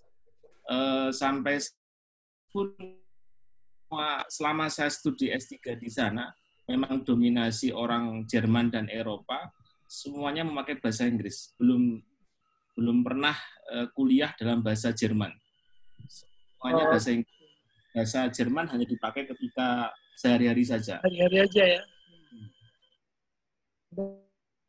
Gue udah begitu sih banyak. Ke Belanda ngomong bahasa Inggris semua. Di Belgia bahasa Inggris semua. Kapan pinternya aku nih bahasa Inggris tok. Enggak itu dulu. Hmm, ya. Wah, enggak tadinya aku mau ngirim, mau ngirim anak aku ke Jerman karena katanya gratis tadi ternyata enggak ya udah. Kan, Hmm. Da- dari eh, SD sampai S3 gratis. Oh masih namun- gratis ya? Masih gratis. Namun eh, itu sebenarnya tergantung siapa pemenang partai pemilunya. Oh. Namun sekarang ada kebijakan baru, ada yang saya pahami untuk yang eh, masyarakat atau mahasiswa Uni Eropa itu masih gratis, untuk yang Hmm. Asia. Namun ini tidak berlaku di seluruh eh, Bundes, ya, tidak selalu di berlaku di seluruh eh, distrik gitu ya, di seluruh Hmm. kota. Tergantung masing-masing state-nya ya. Tergantung masing-masing negara bagiannya siapa pemenangnya tadi itu. Namun kecenderungannya seperti itu. Untuk yang dari Asia akan dikenakan SPP, Mas. Dibandingkan dengan kuliah di UI, begitu ya, tetap kalau menurut saya tetap lebih murah di sana. Iya. Yang iya. Ini buat adik-adik yang mau lanjutin nanti ya kayak gitulah. Kalau di Inggris pengalaman saya mahasiswa Uni Eropa dulu ya itu cuma bayar katakan 2000 pound sterling. Orang Jerman, orang Polandia, orang Prancis. Nah, mahasiswa asing kayak saya itu bayarnya 10.000. Ya bayangin kan? itu subsidi memang seperti itu. Jadi akhirnya orang di Inggris banyak sekali orang di Inggris. Gitu. Tapi sekarang nggak tahu kondisinya mungkin udah bayar semua Inggris kan mahal. Jangan ke Inggris lah kalau nggak dapat beasiswa chevening jangan ke Inggris mahal. LPDP nggak muat. Temen yang LPDP di Inggris pada megap-megap semua loh. Benar. Maksudnya Sering telat. karakter sendiri. Eh, Sering, sering telat pula. it- itu kan Oh, coba fee beasiswanya.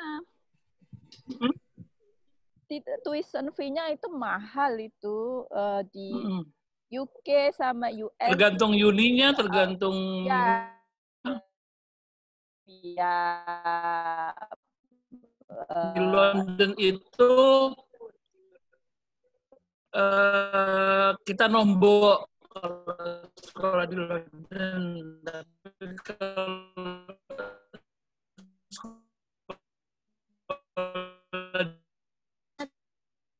sebenarnya mempunyai eh, pemik- pemahaman atau perspektif yang sangat beda. Kalau share sedikit, eh, kita, saya eh, Frankofon itu sangat basis, sangat filosofis, sangat filosofis. Mm-mm. Eh, tadi Kalau karena kemajuan eh, banyak ilmu-ilmu dasar eh, sains itu eh, tumbuh eh, subur gitu, tumbuh subur karena mereka Mm. memang berbasis dari situ. Nah, itu itulah yang mendobrak eh, kemajuan negara eh, eh, Eropa yang bersifat sosialis terutama gitu, yang mereka Iya, banyak. Ya gitulah. Tadi mau ngomong apa? terima sampai kasih. Mas Tipu atas pertanyaannya. Ya kebanyakan. Ya, silakan. Baik. Selanjutnya ada pertanyaan kedua dari BC UKSA 387. Pertanyaan pada seluruh narasumber harap dijawab dengan singkat ya Mbak dan Mas. Ada bahas beasiswa. Untuk Mas Dio mungkin, silakan. Ah, Oke, okay. makasih buat BC UKSA pertanyaannya ini sangat uh, final banget, keren. Mungkin singkat aja, tadi udah saya juga mohon maaf nggak dari disampaikan di PPT Mas Isa banget untuk soal teknis dan kawan-kawannya. Cuma yang mau saya tambahkan di sini itu udah bener banget yang disampaikan banyak banget sharing apa sih yang didapat di sana per semester dan kawan-kawannya. Nah, yang yang saya mau sampaikan di sini mungkin lebih uh, saran yang bisa saya sampaikan untuk adik-adik terutama dan mungkin teman-teman di sini pun apa pun yang uh, di mana pun berada yang ingin mengajukan beasiswa mungkin lebih uh, melihat apa ya tujuan utama gitu. Uh, tujuan utama untuk mengambil beasiswa itu apa. Jadi uh, gimana sebentar. Jadi lebih pertama harus siap dalam dalam setiap kesempatan. Hunter seperti yang emang benar kata Mas Riza Mbak RAT beda-beda orang sistemnya dan prosesnya sendiri berbeda-beda dan itu nggak bisa dijadikan benchmark untuk uh, orang lain untuk ikut tiru-tiru ataupun uh, persis. Jelas nggak bisa. Jadi saya juga ada pernah tanya-tanya ke teman-teman. Semua kata orang tetap dikembalikan lagi uh, siapa pun yang mau untuk apa tujuannya untuk mendaftar beasiswa ke luar negeri? Apakah itu benar? Sesuai dengan apa yang kalian memang uh, butuhkan atau yang kalian memang apa ya uh, matchingnya sama kalian tuh ada gitu ada chemistry-nya seperti itu karena saya sedangkan saya juga nggak pernah ada impian maksudnya bukan berarti uh, anti banget ke luar negeri enggak saya tetap netral uh, tetap di original, original aja, original dalam artian apa yang kalian lakukan sekarang.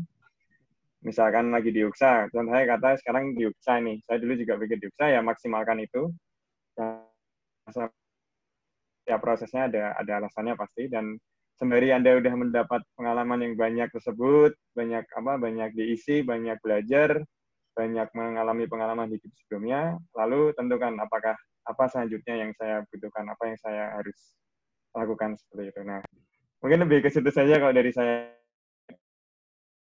Strategi utamanya harus siap dan tahu apakah ini benar-benar kebutuhan saya untuk. Kalau memang udah siap dan tahu, nanti segala barrier yang tadi sudah disebutkan, mungkin IELTS atau TOEFL dan mungkin syarat administrasi lainnya, otomatis akan mengikuti juga kok.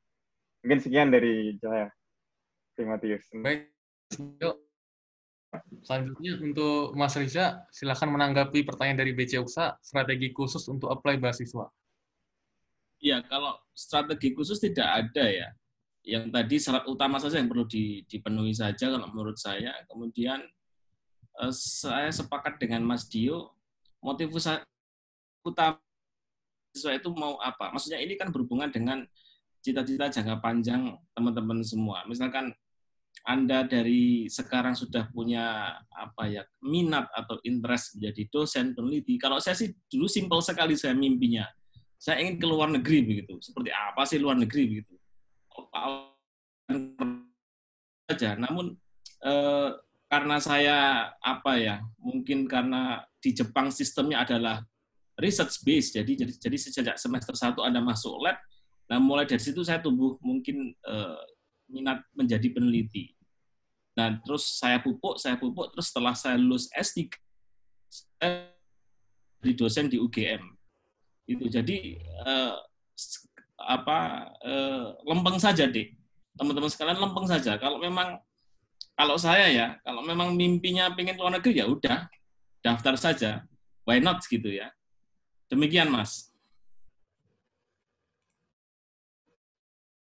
Terima kasih Mas Riza.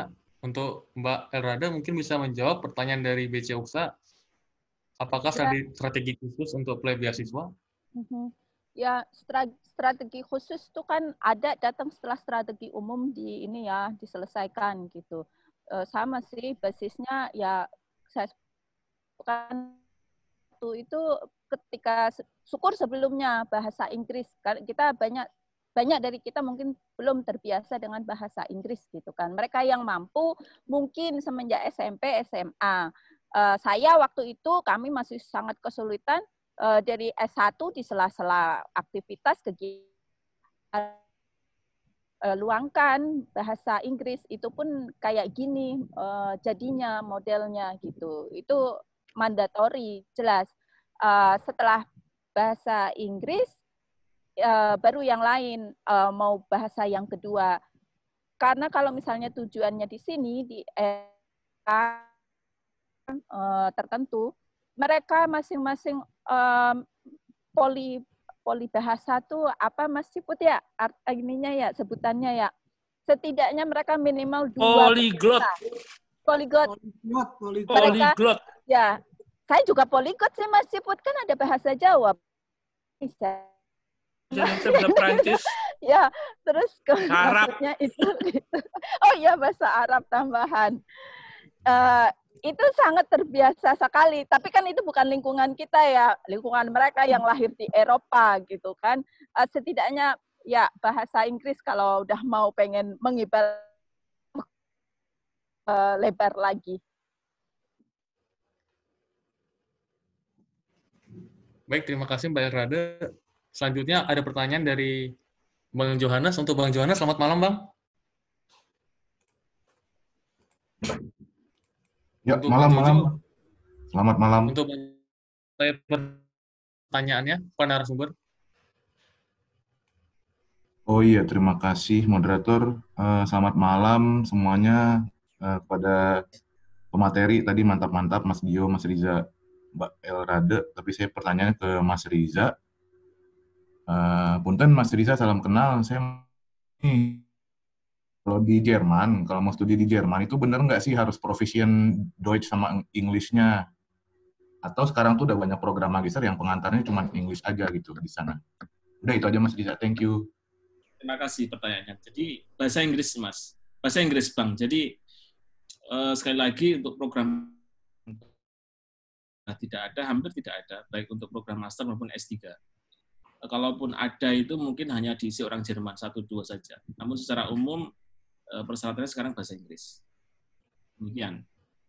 Oke, oke. Terima kasih banyak Mas Riza. Sama. Baik, terima kasih Bang Jojo atau pertanyaan Mas Edi, selamat malam.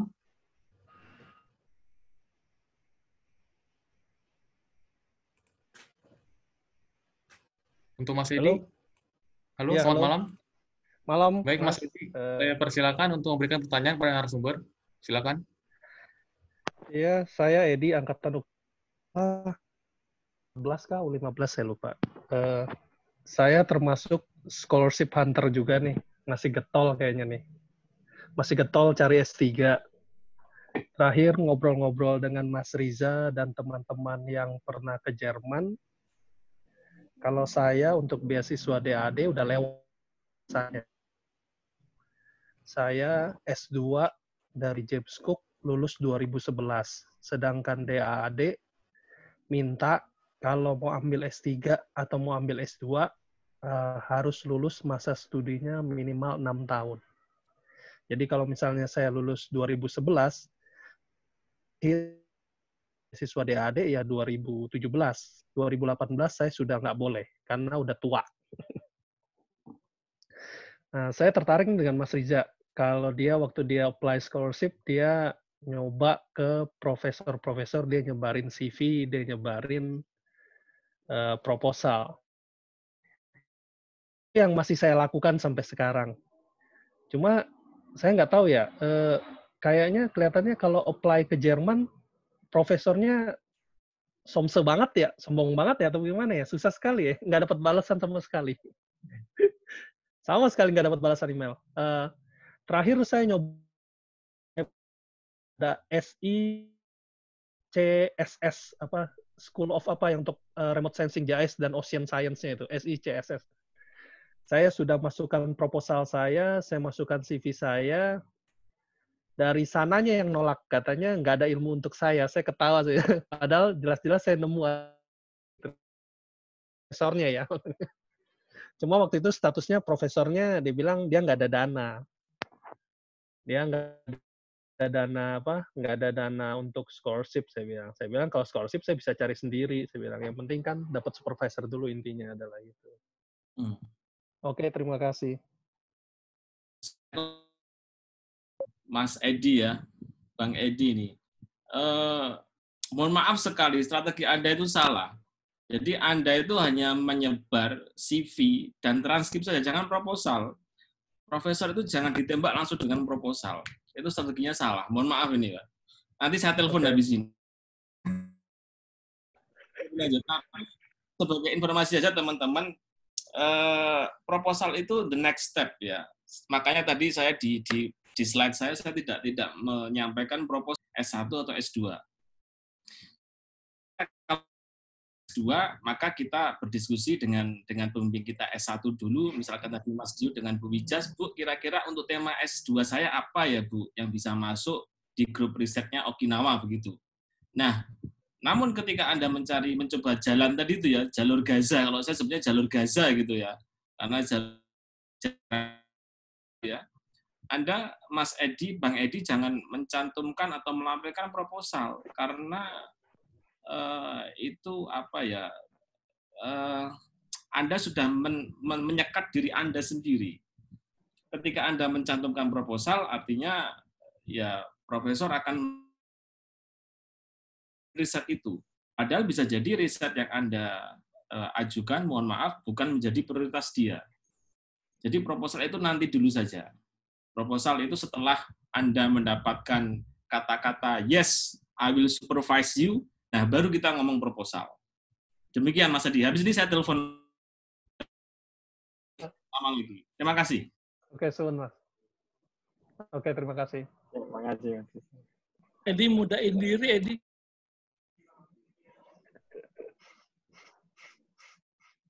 Oh, boleh nambahin nggak tim tim Timo?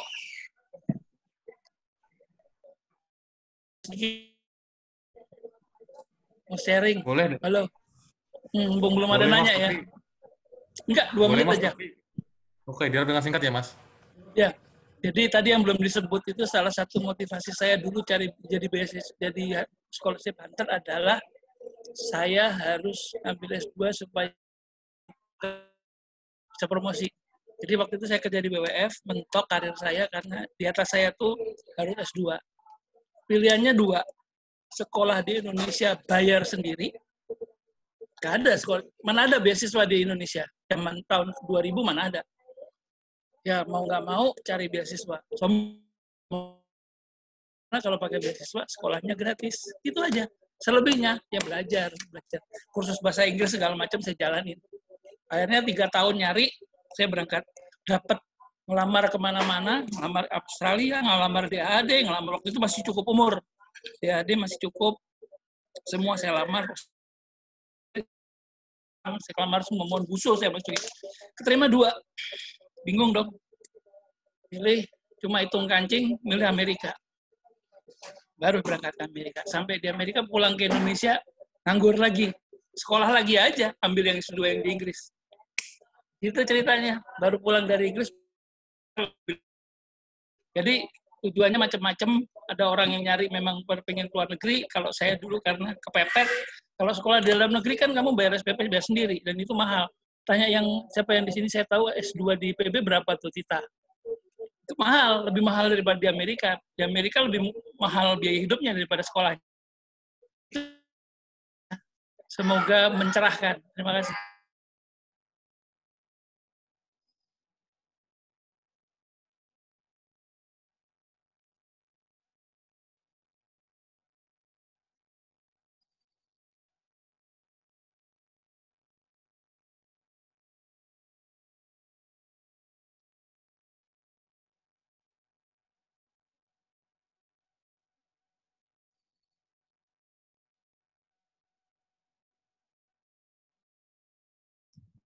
Halo, Hmm, dengar. nggak dengar? Timo, Temu kok di Timo. Oh, maaf, maaf. Maaf, dikarenakan keterbatasan waktu, sesi tanya jawab ini saya akhiri. Terima kasih saya ucapkan kepada tiga narasumber kita yang telah membagikan ceritanya kepada kita. Dan juga saya ucapkan terima kasih dan juga kepada teman-teman panitia yang telah menyiapkan acara pada hari ini. Dari hasil diskusi online hari ini, dapat kita simpulkan bahwa kita semua dapat beasiswa ke luar negeri dengan usaha kita dan doa. Proses perjalanan menuju sukses itu selalu didukung oleh lingkungan sekitar. Semoga ilmu yang sudah disampaikan oleh para narasumber dapat bermanfaat dan dapat kita ikuti jejaknya. Setelah ini, akan ada sesi kuis giveaway yang akan dipandu oleh Bang Johannes, UKSA 387 Angkatan 22. Untuk Bang Johannes, saya persilakan Bang.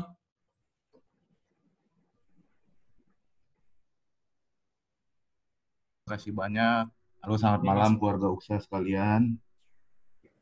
Uh, jadi malam. saya saya di, saya ditembak nih sama pengurus buat mandu kuis. Katanya kuisnya ada giveaway-nya gitu. Terus menarik Dari sih. Yayasan Gondang Barat 4. Oh, Yayasan Gondang Barat 4. Oke, mantap. Boleh Mas, silakan. Jadi ini jadi ini platformnya pakai Kahoot. Mungkin di sini ada yang pernah bermain Kahoot sebelumnya. Pernah Mas Ijo.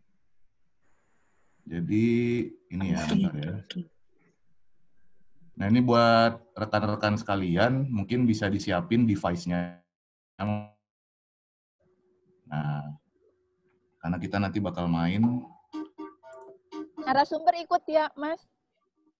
Oh iya, boleh, Boleh, boleh, boleh, Mbak, boleh. Boleh banget, pasti dong. Untuk Nanti hadiahnya ngambil di base camp.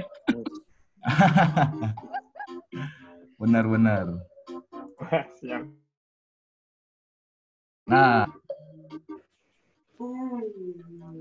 nah nanti eh, buat abang-abang, mbak-mbak, adik-adik, rekan-rekan sekalian itu bisa join di www.kahoot.id eh .it. Nah, nanti masukin game pinnya ya. Empat.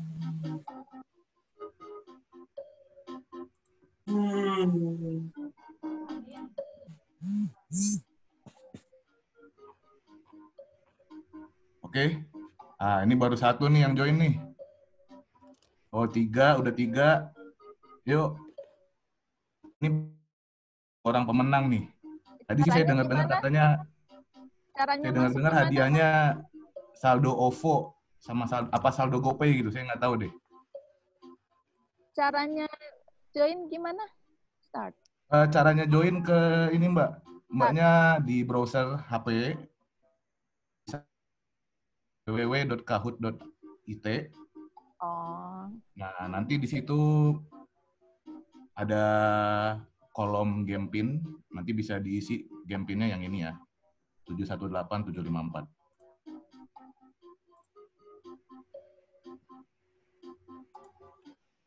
Ini 16, oke, 16 orang. Ngapain sih Jo nih Jo? Ini kuis, Mas. Udah Tadi masuk sih ya? lihatnya, tadi lihatnya bagus sih ininya pertanyaan-pertanyaannya. Hmm. Keren sih panitianya ini.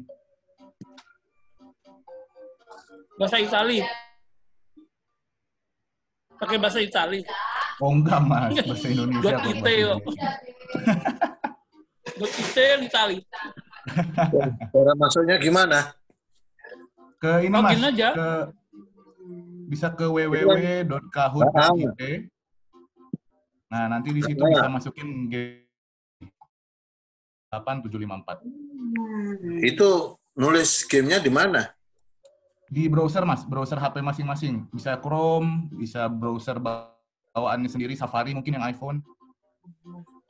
Untuk Android bisa di Chrome. Desktop bisa ya? Desktop bisa. Enggak, enggak keluar apa-apa, cuma you are in gitu kok ya. Iya.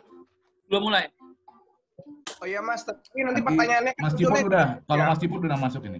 Udah masuk, cuma muncul coba tulisan you are in. Ya, soalnya Mas Ciput udah masuk ini. Nah, ini Mas Ciput nih.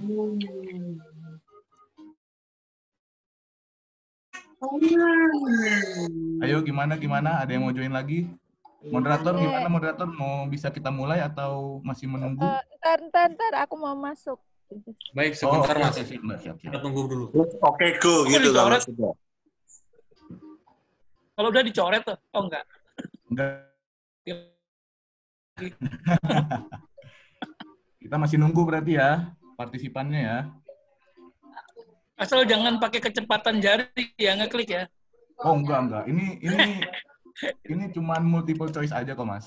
Jadi Masuk ya. simple banget, pasti simple banget. Masuk. Oke. Oh udah ya Mbak Elrade udah ya. Udah, udah. Oke. Oke ada lagi Diablo. mungkin teman-teman. Ada yang belum masuk? Apakah sudah semua teman-teman?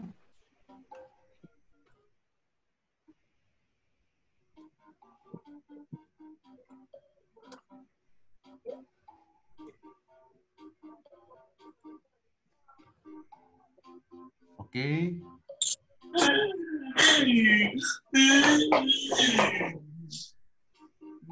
Iya nih baru baru 38 orang. 38 partisipan nih.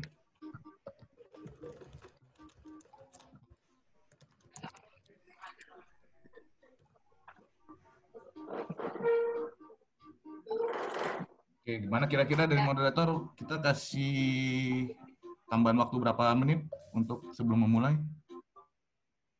Nah, 15, Mas. Oke, 19. 3 menit ya. Kita Tiga menit. 3 minutes to go.